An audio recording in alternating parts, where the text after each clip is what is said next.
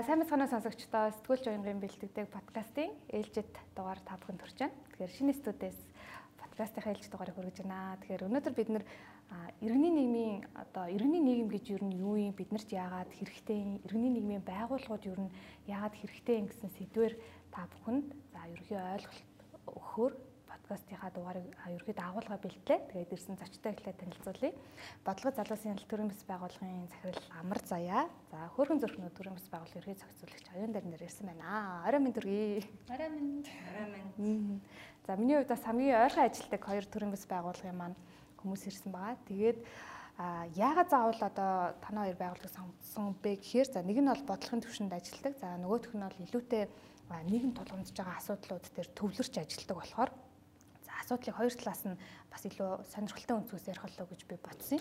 Тэгэхээр ер нь бол ингэ тийм байна. Хүмүүс чинь нэг юм энгийн зүйлийг одоо энгийн ингээ боддог хэрнээ яг ийм агуулга талаас нь ийм доктортой ойлгож байгаа нь бас ховор гэдэм байна л да. Тэгэхээр иргэний нийгэм гэж яг юу юм гэдэг дээр гурлаа эхлээд ярилцъя.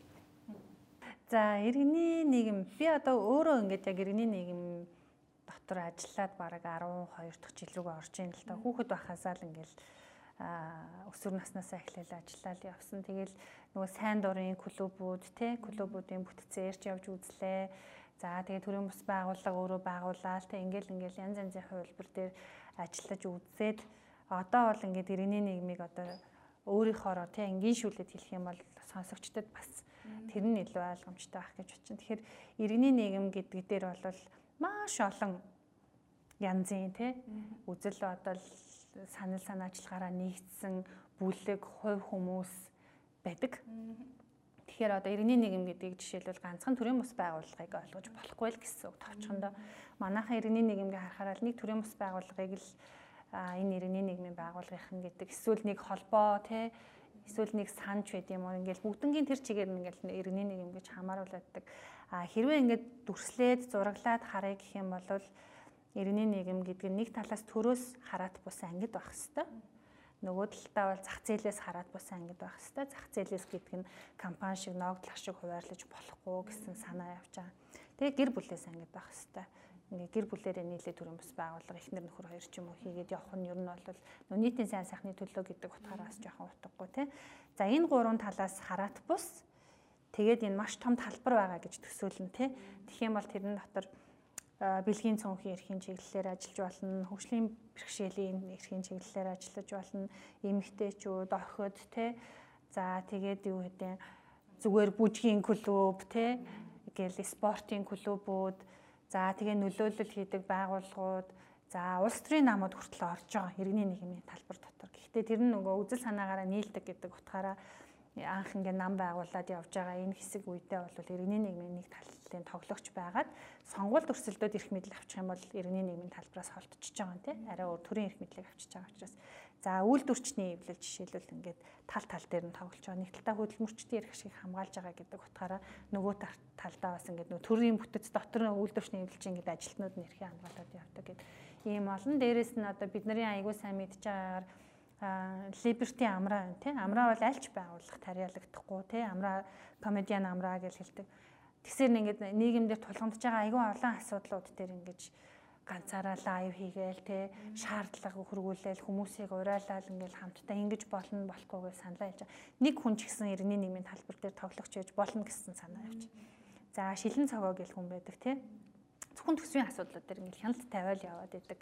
Тэгэхээр ерөнхийдөө төрөөс ангид хараат бусаар төрийн үйл ажиллагаанд тодорхой хяналт тавьж байгаа, саналаа хэлж байгаа, хоорондоо үзэл санаагаараа нэгдээд ямар нэгэн сайн сайхан зүйлийг бүтээхийн тулд эв санаагаараа нэгдэж ажилдаг бүлэг хүмүүсийг иргэний нийгмийн талбар дээр тоглогч буюу энийг иргэний нийгэм гэж ойлгож болно л гэж би товчхондоо хэллээ. За тэгвэл иргэний нийгмийн байгууллагууд за иргэний нийгэмд нэгдэл болоод тэгээ байгууллага болоод за ингээд нэг албан ёсны тайтлтоор ажиллаж штэ. Тэр нь ер нь биднэрт яг ямар хэрэгтэй юм бэ те илүү одоо зохион байгуулалттай мэдлэгтэй туршлагатай асуудал хандаад байна гэж ойлгож байна.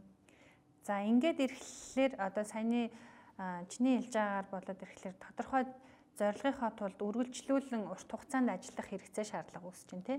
Төрөний иргэний нийгмийн талбар дээрх тоглогчид чинь янз янз урт хугацаанд байгуулад болж болно. Тодорхой зорилготой хүрсэн бол болж болно тий. тарих зэнэглэгч гэж жишээл номын клубийнхан тэрэн дотор ингээл группийнх нь гişүүд айгүй олоола тий тэндээс ингээл хүснэ нь гараад буцаж ороод гэдэг юм ингээд а тодорхой зорилгоо биелүүлчих юм бол татан буугдаж энэ төр болж байгаа байхгүй. За ямар тохиолдолд заавал нөгөө хууль этгээд болоод тэ цаашаа явж ийн гэхээр ихэнхдээ урт хугацаанд ажиллах зорилго тавиад тэ тэр нь ингээд том алсын хараатай тэ. Тэгээ тэрэндээ хүрэхийн тулд яалтчгүй хууль этгээд болох хэвээр энэ нэр чинь нөгөө одоо жишээлбэл өдрийн 8 цагаа зориулаад ажиллах ажилтнууд хэрэгтэй болно тий мэдээж зорилгоороо нэгдсэн ч гэсэн тэнд чинь ингээл нийгмийн даатгал татвар цайлан үйл ажиллагааны санхүүжилттэй олох тий үйл ажиллагаагаа зохион байгуулах гэдэг юм байнгын тогтвортой үйл ажиллагаа явуулахын тулд ялтчгүй хуулийн этгээд болох буюу төрийн бас байгууллага болж байгаа. Жишээ нь одоо манай байгууллага тий анх бид нар байгууллага байгуулахдаа бүтэн жил ярьсан байхгүй Ямар ч гэсэн ингээд нөгөө залуучуудын байгууллага айгүй олон байна. Гэхдээ яг юм сериусны юм ярьдаг залуучуудын байгууллага гэхэд байхгүй. Залуучууд гэхээр өнгөлөг, ялгаар, алаг, тэ солонгон өнгөтэй тэгээд жагсдаг, тийм амар entertainment дуулдаг, бүжгэлдэг, тэ карнавал хийдэг гэдэг ийм ойлголт 12 13 оны үед бол залуучуудын байгууллага гэхээр илүү тэгэж харагдаг.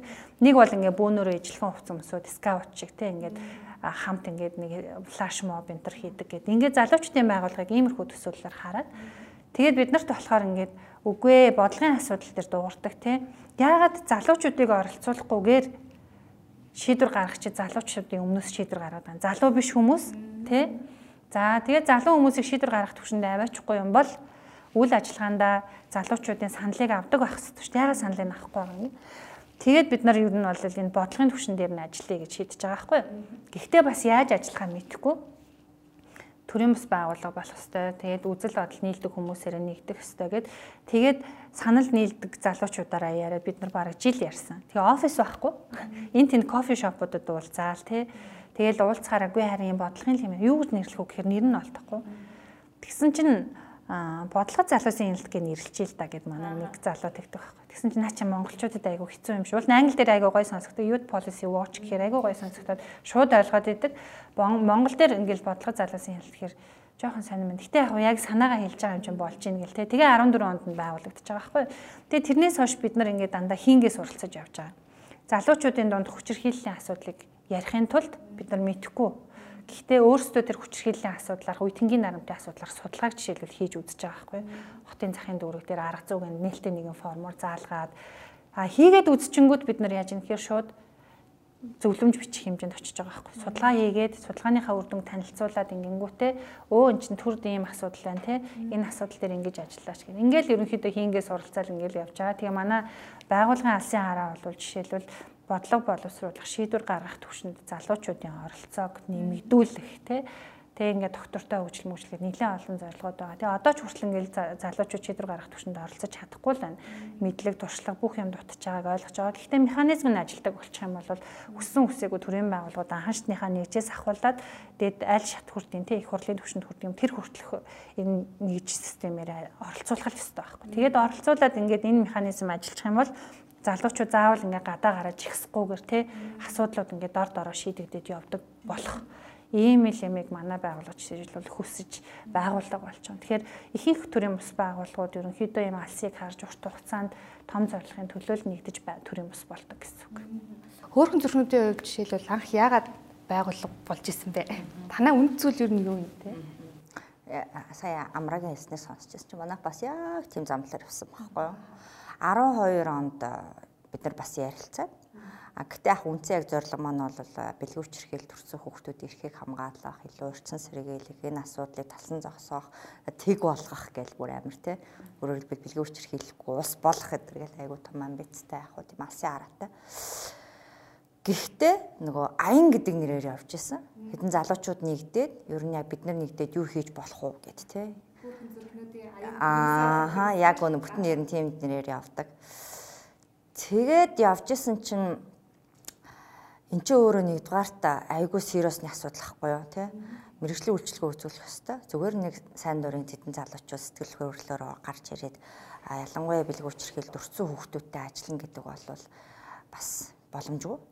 Яг мэрэгжлийн ёс зүйтэй барыг юм те хууль ёсны бүртгэлтэй ийм статус бид нар шаардсан. Тэгээ бүртээ 2 жилийн дараа авахгүй. Манайх жишээл бас 14 онд авчихсан стат юугаа гэрчлэгийг улсын бүртгэлд бүртгүүлэх гээд. Тэдний хэрэгцээ нь болохоор нэгдүгээр яг үйлчилгээ манай албан ёсоор байх хэрэгтэй, мэрэгжлийн байх хэрэгтэй байгаадсэн. Хоёрдугаар та бас нөгөө төсөл мөнгө тий. Үнэхээр нөгөө санхүүжилтгүй бол нөгөө хэдэн залуучууд өөрсдийнхөө тий амьдралын талхныхаа мөнгнөөс ингээл юу гэдэг хуваалцаад хийгээд иж болохгүй.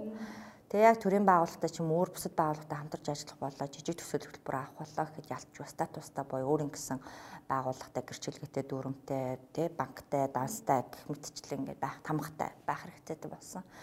За тэгээд яг байгууллага байгуулсан. Тэгээ уугны анх бол хөөрхөн зөрх гэдэг нэртэй л байсан л та. Тэгээ харамсалтай нэг өөр нэг хүн хөөрхөн зөрх гэдэг нэрийн маань бол одоо хөөрхөн зөрх сан гэдэг нэрээр ингээд аваад аль хэдийн бүртгүүлсэн байсан учраас бид нэр бүртгэлээ хөрхэн зүрхээр бүртгүүлж чадаагүй байхгүй юу.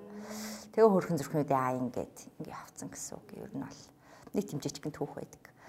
Тэгээ ингээ харахаар яалтчгүй тийм байгаа байхгүй те хэрэгцээ шаардлага бол эртний нийгэм үнэхээр яг эртний нийгмийн залуучууд бол анх үүссэн. А гэхдээ яалтчгүй цаашаа удаах хугацаанд оршин тогтнох тогтвортой үйл ажиллагаа явуулах одоо яалтчгүй мэрэгжлийн мэрэгсэн үйлчилгээг үзүүлэх шаардлага хэрэгцээ гарч байгаа учраас яг цайны амраг хэлгээр нийгмийн татгал төлдөг байх, бүтэн цаг ажилтнтай байх, цалинтай байх, тий өөрөнгө гэсэн офстой байх гэл гих мэтчлэнгийн ерөөсөө үйл ажиллагаагаа өргөжүүлэх тий а хэрэгцээ шаардлага байгаа даа учраас ялтчгүй байгууллага болох буюу одоо улсын бүртгэлд одоо статустай болох хэрэгцээ шаардлага байна гэсэн. Тэгээ энэ мэтчлэнгээл аюул олон байгууллага ер нь байгууллагад юм байна гээл би бас бодоол л тий одоо өөрчлөлөө эмгтээчүүд эднэр гээл байгаа л байна тий. Аа. Ер нь нөгөө тухайн асуудалтай айгу тууштай ингээд явж байгаа л одоо үйл ажиллагаа л өргөжж штэ тий. Тэнгүүд нийт иргэдийн дунд одоо жишээлбэл би мэдээч юм уу сурвалжлах ч юм уу бэлтээ явж хахад яг иргэд хоорондоо нэгдэж нөгөө асуудлаа дуугардаг нь айгу ховор байдаг хөөхгүй. Жишээлбэл нөгөө саяхан лифтнээс 3 давхрын биш 3 настай хүүхнийг 8 давхрын лифтнээс унаад асуурсан штэ. Тэгээд тэрэн дээр оршин суугчид нь ерөөсөө тэр лифтний асуудлыг тоогоогүй амар олон жил явцсан. Тэгээд нэг ийм ингээд нэг юм хандлага байгаад байхгүй. Угаасаа манай гэр доторх юм болж ивэл тэгэл эндээс гараад ер нь яасан ч хамаа. Сөөхтэйгээ одоо сөөхөө хуралд оролцож гин үгүй юу гэдгээс л ерөнхийдөө иргэдийн оролцоо яг ямар байна гэдэг нь байгаад байгаа хгүй. Тэгэхээр манад одоо байгаа энэ юм хандлага те нийт иргэдэд байгаад байгаа энэ нь хэвэн үү? Энийг нь яаж өөрчилбөл те одоо зүгээр болт хоёр ер нь яг энэ одоо эртний нийгмийн байгууллагатай одоо олон жил ажиллаж байгаа хүмүүсийн зүгээс ер нь дотроо бас бодож явдаг зүйл юу байна? Тийм, энэ дээр иргэдийн оролцооны механизм гэдэг юм ажиллах хэрэгтэй. Манайх нөгөө бодлогын түвшинд ажилладаг учраас ч гэж магадгүй л дээ яг ингээд нөгөө асуудал дээр юу гэдгийг бид нар бодлогын түвшинд ажилладаг учраас төр хийх ёстой юм а хийх ёстой. Яагаад гэвэл одоо төр иргэний нийгмийн гэрээ гэж бид нар ярьдаг тийм хүн үүссэн цагаас эхлээд хүний нийгэм үүссэн цагаас эхлээд хүмүүн хүний нийгэм тулгамдж байгаа асуудлууд маш олон янз маш их хүчирхийлэл дарамттай тэ дайн тулаантай бүхнийг хүчээр шийддэг байсан цаг үеэс эхлээд энэ асуудлыг шийдэхийн тулд хүмүүс маш одоо мэрэгэн арга олж олж авсан нь одоо энэ төр штэ тий төр буюу иргэд бид нар төлж байгаа татвараараа та нарыг санхүүжүүлъя өдөр тутмын ажиллаж байгаа олж байгаа орлогоосоо нийгмийн даатгал, татвар, тэ эрүүл мэндийн даатгал бүгдийг төлж байгаа. Дээрээс нь худалдан авалт тус бүрээсээ бид нар нэмүүртгийн албан татвар төлж байгаа тий. Бүх үйлчлэгийн дандаа ингээд янз янз бүрийн татварууд шингэсэн байдаг. Энүүгээр төр санхүүжж байгаа буюу биднэрт үйлчилж бидний аюулгүй байдлыг хангах ёстой гэдэг ийм одоо юг бид нар барьдаг. Манай байгууллага жишээлбэл. За тэгэхээр яах ёстой вэ гэхээр энэ дээр механизм ажиллах хэрэгтэй тий. Иргэдийн оролцоо муу байгаа нь иргэдийн буруу жишээлбэл биш гэж бид үзнэ. Иргэдийн буруу биш. Хэрвээ төр буруутгаад асуудлаас зайлмаар авах юм бол магадгүй манай иргэд мангар учраас, манай иргэд сул дорой учраас, манай иргэд оролцоогүй учраас ийм болж байна гэж төр бол магадгүй хэлж магадгүй. А бид юу гэж харж байгаа гэхээр төр тогтолцоонд ажиллахгүй байгаа учраас, төр иргэд рүүгээ анхаарахгүй байгаа учраас, ерөнхий боловсролд нь анхаарахгүй байгаа учраас тий хяналт үйлчилгээнд анхаарахгүй байгаа учраас асуудлууд үүсэж байна гэж хардаг. Ягаад гэвэл энэ төрчин асар том систем тэрэн дотроо аюулгүй байх, эрүүл байлгах те бүх тал дээр нь бид нарыг ингэж хангаж явах хэрэгтэй тий. Тэрний тулд бид нар татвар төлж ин төрийн бүтэн энэ том системийг бид нар ажилуулж байгаа гэж харж байгаа нэгдүгээр. Тэгэхээр иргэдийн оролцооны систем нь ажиллахгүй байгаа. Тэр хуулиуд байгаа бол хуулиудаа хэрэгжүүлэх дээр анхаарахгүй байгаа гэж харж. Хандивт суурилсан хандлага гэж нэг юм байгаа тий хандад суурилсан хандлагыг бол жишээлбэл дахиад бид бол дэмждэггүй. Ялангуяа энэ бодлогын түвшинд ажиллаж байгаа төрийн бас байгууллагууд бүгдээрээ дэмждэггүй те. Хандивч суурилсан хандлагыг төр өгшүүлэх юм уу, олон улсын байгууллага өгшүүлэх юм уу? Энд чинь нөгөө голцоо нөгөө donation charity ажлуудыг хэлж штэ тий. Одоо юу гэдэг нэг хорт хавдартай хүүхэд байлаа гэхэд тэр хүүхдийг эмчлэхийн тулд иргэд бүгдээрээ халааснаас мөнгө гаргаад тэр хүүхдийг солонгос руу эмчилгээнд явуулж байна тий. А зүй нь бол төр сайн ажиллаж явах юм бол Монголдо бид нар тэрнээс хэд дахин хямдхан зардлаар төлж байгаа татврынхаа мөнгөөр магадгүй те тэр хүүхдийг Монголдо эмчилж явах хэрэгтэй байхгүй юу? А хоёрдугаарт нэг удаадаа миний данснаас ингээд мянган төгрөг юм уу 100000 төгрөг би өрөвдөд гаргалаа. Хідэн удаа хідэн хорт хавдартай хүүхдийг эмчлэх вэ? Тэ? Хорт хавдрын суур шалтгаан нь магадгүй утаа юм шүү. Энэ утааг шийдэх ёстой хүн нь хин юм бэ? Гэхдээ дахиад төрлөө ингээд буучж байгаа. Тэгэхээр жишээлбэл лифтний асуудал бол ялгаа авахгүй бол төрийн хараа хяналт сул тэ ажиллах ёстой системээ ажилуулж чадахгүй байгаагийн л нэг илрэл. Мэргэжлийн хяналт яагаад торгох газруудаа торгоод үзээд өчнөө олон хоолны газар, рестораны газрууд амьдрах гэж ядж байгаа хүмүүстэр очиод өндөр өндөр торгуул тавиад байнга тавтан тавтан шалгаад идэг мөртлөө лифтнүүдээ шалгадгүй юм бэ. Тэ? Тэр чинь сөөхөд зүгээр хайчиж болохгүй ах уу? Сөөхийг ч гэсэн сайн ажиллаж гинэ мó ажиллаж гинэ гэдгийг давхар шалгаж явах ёстой ч гэдэг юм уу те. Нэг ийм асуудал байгаа. Аа тэгээд нөгөө боловсрал янз бүрийн ямар дамжаад энэ иргэд нэгдэх ёстой, дуу хоолойгоо нэгтгэх ёстой, өөрсдийгөө хамгаалах ёстой гэдэг юмд ингээд бас суралцахыг давхар нөгөө талаас төрийн систем ажиллаж ижил хийх ёстой баггүй юу. Тэгэхээр ерөнхийдөө юм жоохон амин хуваа хичээх, миний асуудал миний л асуудалтай бусдад хамаагүй эсвэл бусдын асуудал надад хамаагүй гэл ингээл яваад байгаа бол магадгүй сургалтын системэнд асуудал байгаа тий хүүхдүүд сургууль сургуулаас ганцхан дүнгийн төлөө тэнд хичээлийн төлөө сурдаггүй шүү дээ. Уг нь бол тэндээс ингээд амьдрах ухааныг олж аваад тий нийтийн сайн сайхан гэж юу юм, нийгмийн сайн сайхан гэж юу юм, миний аварч хамгаалах ёстой ардчлал гэж юу юм ч юм уу те. Сонгуульдаа яаж оролцохын нэг хүнд найзад маань асуулт асуудал тулгарвал бид нар хамгийн түрүүнд хаана хандах ёстой, анхны тусламж юу юм гэл ингээд амар олон амьдралын ухааныг ерөнхий боловсрлоос аваад гарах ёстой байтал тэнд цээжлүүлээд давтуулаад дөнгөний төлөө хооронд нь өрсөлдүүлж агаад гаргаа явуулчихлаар сурах ёстой юм сургуулиас сураагүй хүмүүс чинь магадгүй нийгмийн асуудал миний асуудал биш тэр гурван хүүхдийн 3 настай хүүхдийн асуудал миний асуудал биш гэж те. Бүхэл бүтэн өөрсдийнх нь байранд тийм асуудал гарчаад байхад анхаараагүй ч гэдэг юм уу тийм лифтнийг аюултай гэж тооцоогүй явж гин гэдэг бол магадгүй дахиад эргэл би бол төрлүүл гэх Америкт бол 100% санал нийлж байна. Аа иргэд гэхээр дэлхийд амьдарч байгаа 7.4 тэрбум хүн чинь бүгд өөр өөр те. Ялангуяа үзэл санаа үзэл бодол итгэл үнэмшил хүмүүжил тэр хандлага соёл зан заншил үед уламжлал гэл те. Маш олон зүйлээр өөр өөр Тэгэхээр хүн болгон авцалдаад хүн болгон юу гэдгийг нэгдээд нэгдэж одоо юу гэдгийг нэг юм бүлэг хамт олон болох алба бол байхгүй. А мэдээж нөгөө тодорхой хэрэгцээнүүд байгаа дээ шүү дээ тий. Жишээлбэл эдний байгууллага манай байгууллага дээр яагаад энэ одоо хүмүүс нэгдэж энэ байгууллага байгуулсан гэхээр энэ хүмүүс үтгэл үнэмшил байгаа байхгүй. Нэг зүйлийн төлөө явъя гэсэн тэр тий тууштай бай гэсэн хандлага аа үнэцүүлэн байгаа. Тэгэхээр түүгээрээ илүү иргэний нийгэм нэгдтгэл гэсэн үг. Үнэт зүйлээрээ нэгддэг гэсэн үг. Тэгэхээр магадгүй нөгөө сүүхийг ажилуулж байгаа тухайн сүүх те үнэхээр оршин суугчдын одоо аюулгүй амар амгалан тайван эрүүл амьдрах тэр орчныг бүрдүүлэх хүч хүмүүст нь бүрдсэн үү нэгдсэн үү гэдэг ч асуудал байгаа байхгүй. А гэтэл бүрдээгүй зарим нь бол ашигын төлөө ажиллаж байгаа хүмүүс ч байгаа. Зарим нь одоо өөрсдийнхөө тий барилга байгууламжийг одоо юу гэдэг аятайхан байлгаж гасан үн цэнийг алдуулчихгүйсэн гэсэн барилгын компаниуд ч байгаа дээ тий. Тэгэхээр энд нэг тийм асуудал гарч ирж байгаа байх гэж би бас харж байна. Тэгэхээр заавал бүх юмн дээр эргэж санаа нэгдээд тэр нь дуу хоолойгоо өргөхгүй байх нь бидний бас буруу бас биш ээ гэдэгтээ бол би амраатаа санал нэгдэж байна. Тэгвэл одоо жишээлбэл төрийн бас байгууллагууд төрийн хийж чадахгүй байгаа эсвэл нөх хүрэлцэхгүй байгаа орон зайд орж ажиллах нь өөрөө зөв юм уу буруу юм уу тий? Төрийн хүрч чадахгүй байгаа газар төрийн зарим чигүүргийг иргэний нийгэм гэрээлэн гүйцэтгэх нь үнэхээр зөв тий. Гэхдээ энэ бол бас ингээд тодорхой хөгжлийнхаа төвшөнгөөр ингээд айгүй сайн чанартай явах хэрэгтэй байхгүй юу. Гэтэл манай төрийн зүгээс төрийн чигүүргийг гэрээлэн гүйцэтгүүлэхдээ үнгүүдүүлдэг тий. Жохон мөнгөөр ам тагалдаг тий. Тэрнийх нь хэрээр ингээд бас олон жижиг байгууллагууд гарч ирээд ингээ яамны шантаж мантаж гэдэг ингээд нөгөө олон байгууллага дотор чинь олон сайн муу юм байж байгаа тийм. Ингээд ийм нэр зүгээд үнэхээр сайн сонгож шалгаруулалт хийгээ сайн байгууллагатай ажиллахын оронд чимээгүй нэг ингээд хоосон тайлан өгөөд сургалт хийсэн болоод байж ах байгууллагатай нь ажиллахыг сонгож байгаа нь бол тэр яамны асуудал байхгүй манай иргэний нийгмийн асуудал биш. Манайх бол жишээлбэл төрөөс хизээч хизээч санхүүжилт авахгүй. Ягаад гэхээр бид төрийн бодлого хөтөлбөрт хяналт тавьж оролцох гэж те хөндлөнгийн хяналт тавьдаг учраас төрөөс нэг ч төгрөг авч болохгүй. Авчих юм бол шүүмжилж чадхаа явчихна. Тэ? Тэгээ шүүмжлэн гэдэг нь ингээд нэг юм амар юм улаан хэрүүл хийгээл ингэх биш мэдээж төрийн албан ёсны механизмаар нь албан бичиг юм аа өгөөд л явж байгаа. Тэгэхээр авж болдог байгууллага, авж болохгүй байгууллага гэж дотроо байна тий. Үйлчлэгээ үзүүлдэг байгууллагууд бол авах хэрэгтэй.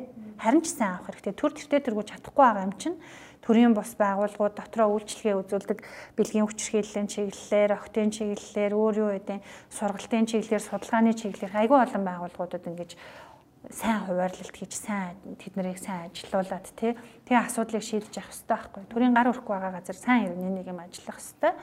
За дээрэс нь нөгөө талд нь бас засаглал иргэдийн оролцоогийн ийм хяналтаар ажилладаг байгууллагууд бол жишээлбэл төрөөс мөнгө авах нь айгүй зохисгүй тий төртөө гэрээлэн гүйцэтгэх ажил хийх нь ерөнхийдөө зохисгүй гэдгийг бас төрөө ойлгож хүлээн зөвшөөрөх хэрэгтэй. Иргэдийн зүгээс ойлгох юм бол иргэний нийгэм төрийн ажлыг заавал хийх албагүй. Шүүмжлэх газраа шүүмжлээ зогсох газраа зогсоод чадахгүй бол татан буугдаад дахиж байгуулагдаад ингээд өөрийнхөө хөгжлийн жамаар явж явах ёстой зүгээр иргэдийн юм эр санааны нэгдлэр ингээ явдаг тийм мэрэгшээд үнэхээр олон жил болцсон байгууллагууд магадгүй тодорхой асуудал дээр хариуцлагатай хандах хэрэгтэй байж магадгүй болохоос ингээ янз янз байдаг ийм олон янзын хэлбэр төрстэй юм дээр шууд хариуцлага хүлээлгэх боломжгүй. Хүн зүрхнүүдийн хувьд бол одоо яг тэр орон зайг бол хүч ажиллаж байгаа гэж би бол харж байгаа шүү дээ. Аа одоо саяны нөгөө яг манайх байгууллагын үйл ажиллагаагаар л ботход үйлчилгээ үзүүлж байгаа. Аа хүүхдэд хүүхэд хамгааллын одоо тий үйлчлэгээ үзүүлж байгаа гэдгээрээ нэгдүгээрт яг уг нь авах хэвээр тэгтээ түргэн ард иргэдийн татврын мөнгөөр хүүхдийг хамгаалаарай хүчрхийл дурцсан хүүхдүүдийг одоо тий нөхөн сэргээгээ сэргээгээр нийгэм сэтгэл зөвлөлчлөгөө үзүүлээрэй гэж төсөөд тавьсан бол тэр үйлчлэгийг төр өөр үзүүлж чадахгүй байгаа бол ялцчгүй тухайн төрөмс байгууллагатай гэрээлээд үзүүлэх нь зөв хэрэг. А гэхдээ нөгөө талаар манад одоо хүртэл зарим зарим нэг тий зарим нэг төрлийн байгууллагуудын зүгээс бол одоо нөгөө би тий мөнгөө төлөөд нөгөө юугаа авах нь надад яаж үйлчлэх нь одоо тэр хүний тэр үйлчлэгээний байгууллага одоо тий надад сайхан үйлчлэгээ үзүүлэх хэрэгтэй өөрчлөлөгч хаан гэдэг ийм зарчмаар ажиллаад байгаа бас заримдаа анзаарэгддэг байхгүй. Тэгэхээр бас төвхтэй яг амрааг хэлж байгаатай адилхан манайхны хахтар төртөө бас хамтарч ажиллаад тэднийхээс мөнгө аваад ингээ явах нь тэрнээсээ их тэ одоо нөө төвөгч хэрэгдэлтэй явдал суудалтай хүн сурталтай байдаг учраас бас хэцүү. А нөгөө дээгүүр төртөө яг энэ мэтлэнгээр хамтарчаар нөгөө дахиад нөх хяналт тавих гэдэг юм. Жишээлбэл нэг хүүхдэд үйлчлэгээ үзүүлээ тэр хүүхдэд үйлчлэгээгээ чанартай үзүүлэхгүй байгаа тохиолдолд бид нар жишээл шүүмжлэх хэрэг биднэрт байгаа байхгүй. А тэгээд магадгүй нөгөө төрөөс айхтар учиргүй гэрээлэл мөнгө аваад ингэдэггүй учраас шүүмжлэх эрх нь биднэрт байгаа байхгүй. Тэр энэ хүүхдэд ийм үйлчлэг үзүүлэх ёстой байсан. Энэ хүүхэд одоо үзүүлээгүй бол бас дахиж ингэж ингэж хохирсон байна гэдгийг чөлөөтэй бид нар дуулаа илэрхийлж байгаа гэсэн үг байхгүй. Тэрний нэг жишээ жишээл огтой үзлэг те. Бид нар одоо боловсролын аамыг, эрүүл мэндийн аамыг одоо цагтаагийн ерөнхий газарч гэдэг юм уу тэрөөс энд ингэж явагдаад байна гэдэг бол одоо шүүмжлэлтэйгээр бол одоо хилж чадж байгаа нь бол эн чинь нэгдүгээрт хараат биш бай те. Бид нар Хоёрдугаар яг энэ чинь бас нөгөө бие даасан өөртөө гэсэн үзэл бодолтой хандлагатай байгаа тийм байгуулгын зарчим бас явагдаад байна. Ер нь яам агентлагууд гэлтгүүгээр төрийн байгууллагын анхан шатны нэгжлэр байгаа тэр баг хороо дээр ажиллаж байгаа мэрэгчлэтнүүд те одоо биднийхээ орол хамгаалал дээр бол анхан шатны нэгжлэр ажиллаж хамтарсан багийн гишүүд те. Тэгээ эдгээр хүмүүс бол ерөөсөө 100% нөгөө сонгуулаас сонгуулийн хооронд бол ингээд нөгөө юу яадаг албан тушаал нь бол ингээд өөрчлөгддөг доктортой ажилдаггүй За маш олон төгслийн хөтөлбөрүүд буюу олон улсын байгууллагаас ч тэр төрийн бас байгууллагуудаас ч тэр төрч өөрөө тий иргэдийн татврын одоо төсвийн мөнгөөрч тэр маш олон мэрэгчлэнүүдийг доктортойгоор сургадаг. Жишээлбэл юу гэдгийг а бэлгийн хүчирхийл болон гэр бүлийн хүчирхийллийг одоо тий таних нь хэрхэн энэ хохирчтой ажиллах юм бэ? төрийн байгууллагаас үзүүлж байгаа үйлчлэгийг яаж хэрхэн одоо тий ээлтэй үзүүлэх юм бэ гих мэтчлэг маш олон сургалтууд хийдэг харамсалтай нь ч одоо 1.5 гэсэн байгаа лөө тий 1.5 жилийн настай байгаад нь шүү дээ тий. Сонгуулаа сонгоолын хооронд гэдэг ингээ үзэхээр мэрэгчлэтнүүд 1.8 болцсон тий. Аваад дэвшилсэн байгаа юм байна. Тэгэхээр ийм байгаа даа. Тэгэхээр нөгөө сургацсан буюу яг төрийн анхшааны нэгждэр энэ хүүхдүүдэд тий одоо нөхцөрхөл төрсэн хүмүүс иргэдэд үйлчлэгээ үзүүлээд тэднийг хамгаалах ёстой мэрэгчлэтнүүд маань нэгдүгээрт мэрэгжлийн бос одоо яагаад гэвэл нэг улс төрөөс шалтгаалаад тухайн дарган ч гэдэг юм засаг дарган ч гэдэг юм тухайн агентлагийн дарга нь мэрэгжлийн бос сонгуулаар тий орж ирсэн намын одоо хариалтай хүмүүс учраас нөгөө өөрийнхөө хүмүүсийг авчдаг гэл тий Тэгэхээр дахиад нөгөө хүмүүс чинь сурах хэрэгцээ гарна. Тэр нэг суурьгүй буюу яалтчгүй мэрэгжлийн бус хүмүүс орж ирэхээр нөгөө асуудал ойлгохгүй тий хүчрхийл гэж юу юм гэдгээ ойлгохгүй. За тэгэл одоо юу гэдгийг хүмүүсийг хэрхэн одоо хүнд ээлтэй хүний эрхэд цүрээсээ хандлагаар ажиллахын гэдгийг бас ойлгохгүй. Гэх мэтчлэнгээр маш олон юм нөгөө асуудууд гарч байгаа учраас манай байгууллагын зүгээс гэхэд одоо яг 10 дахь жилдээ ажиллаж байна л да. Гэтэл ууг нь 5 жилийн өнгөрсөн өмнө одоо тий өнгөрсөн 5 жилийн өмнө манай стратегиэр болоод үйлчлэгээгээ хаах хэрэгтэй байхгүй бид нар.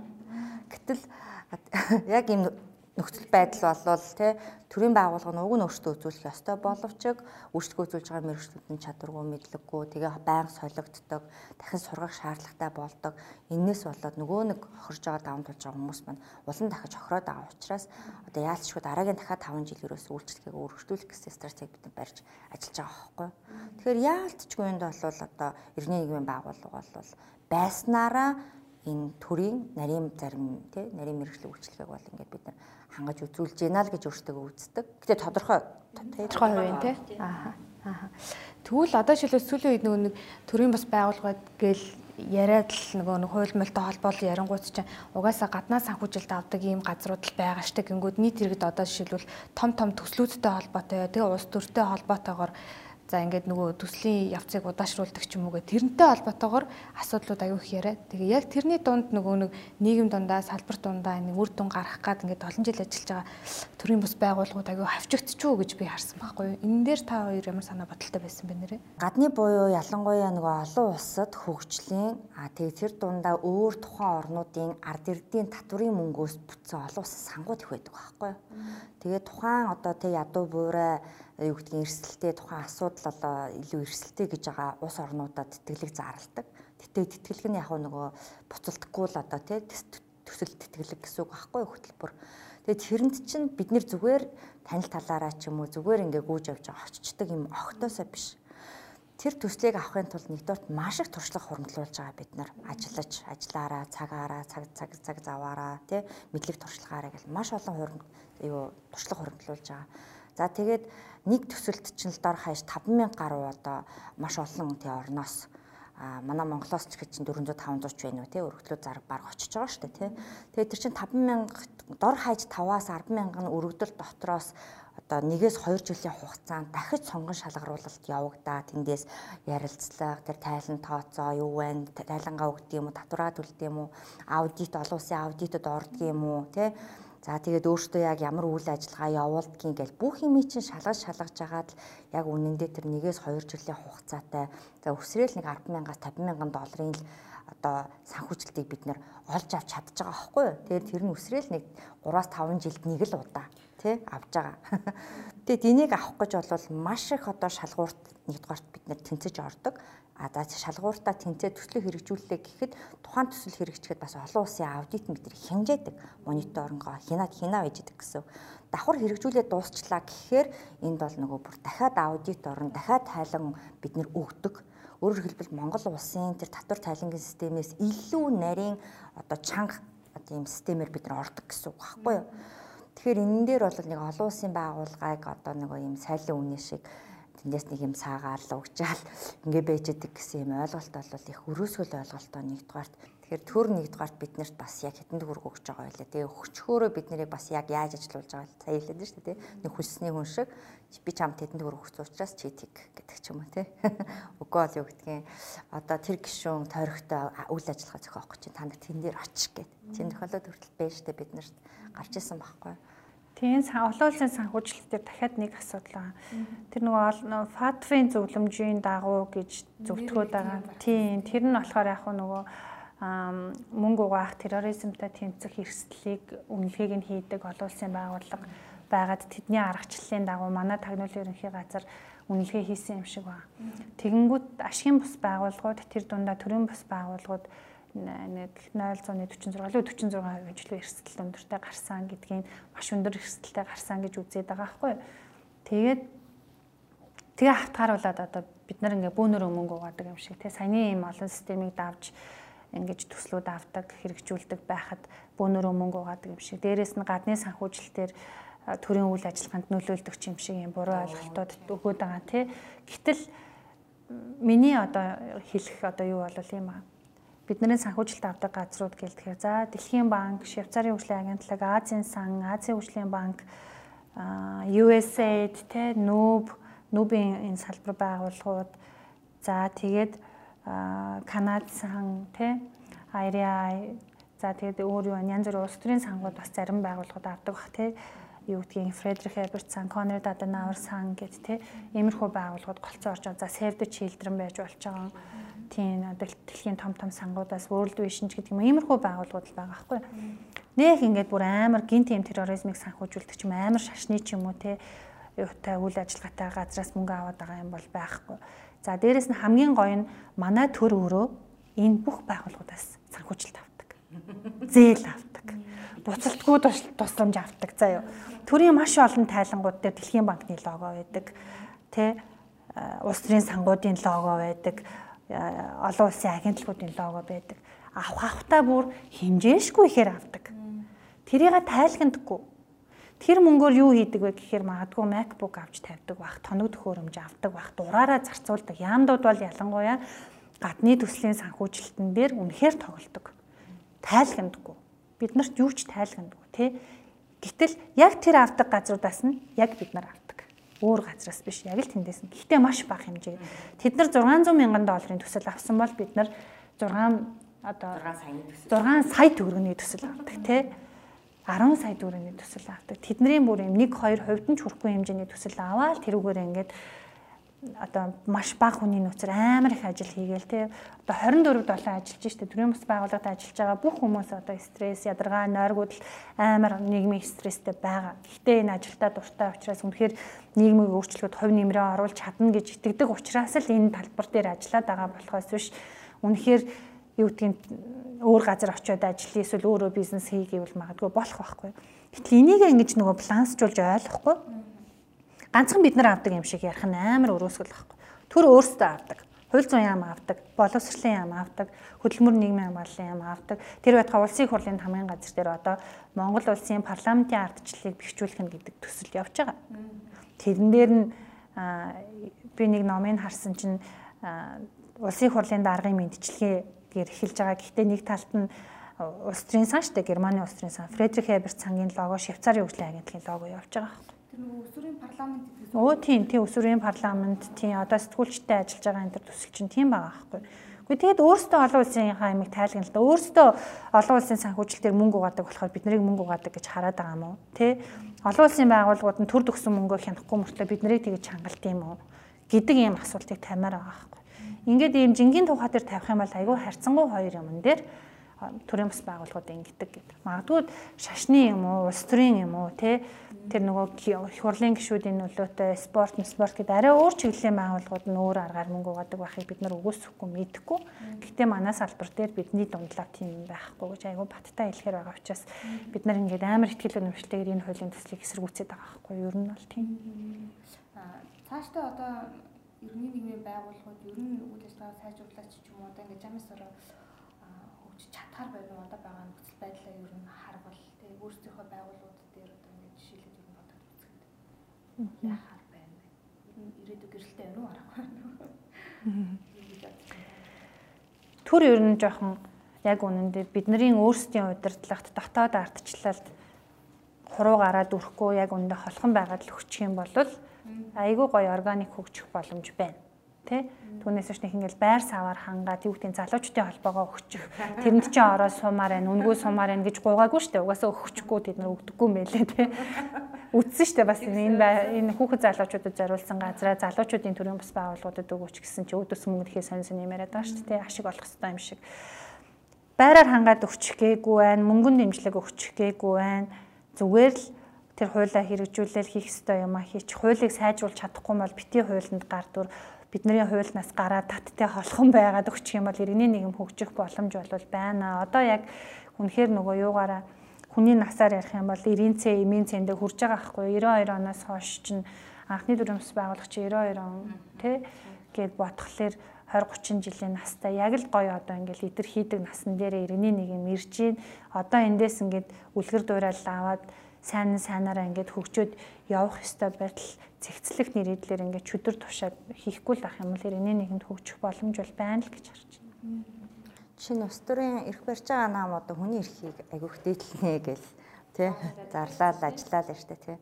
Би энд бол итгэхгүй байгаа Жишээлбэл ковидын үед те яг энэ хөл хорионы үед хүний эрхийг зөрчсөн маш олон одоо юм арга аргачлууд явсан штэ төрийн менежмент.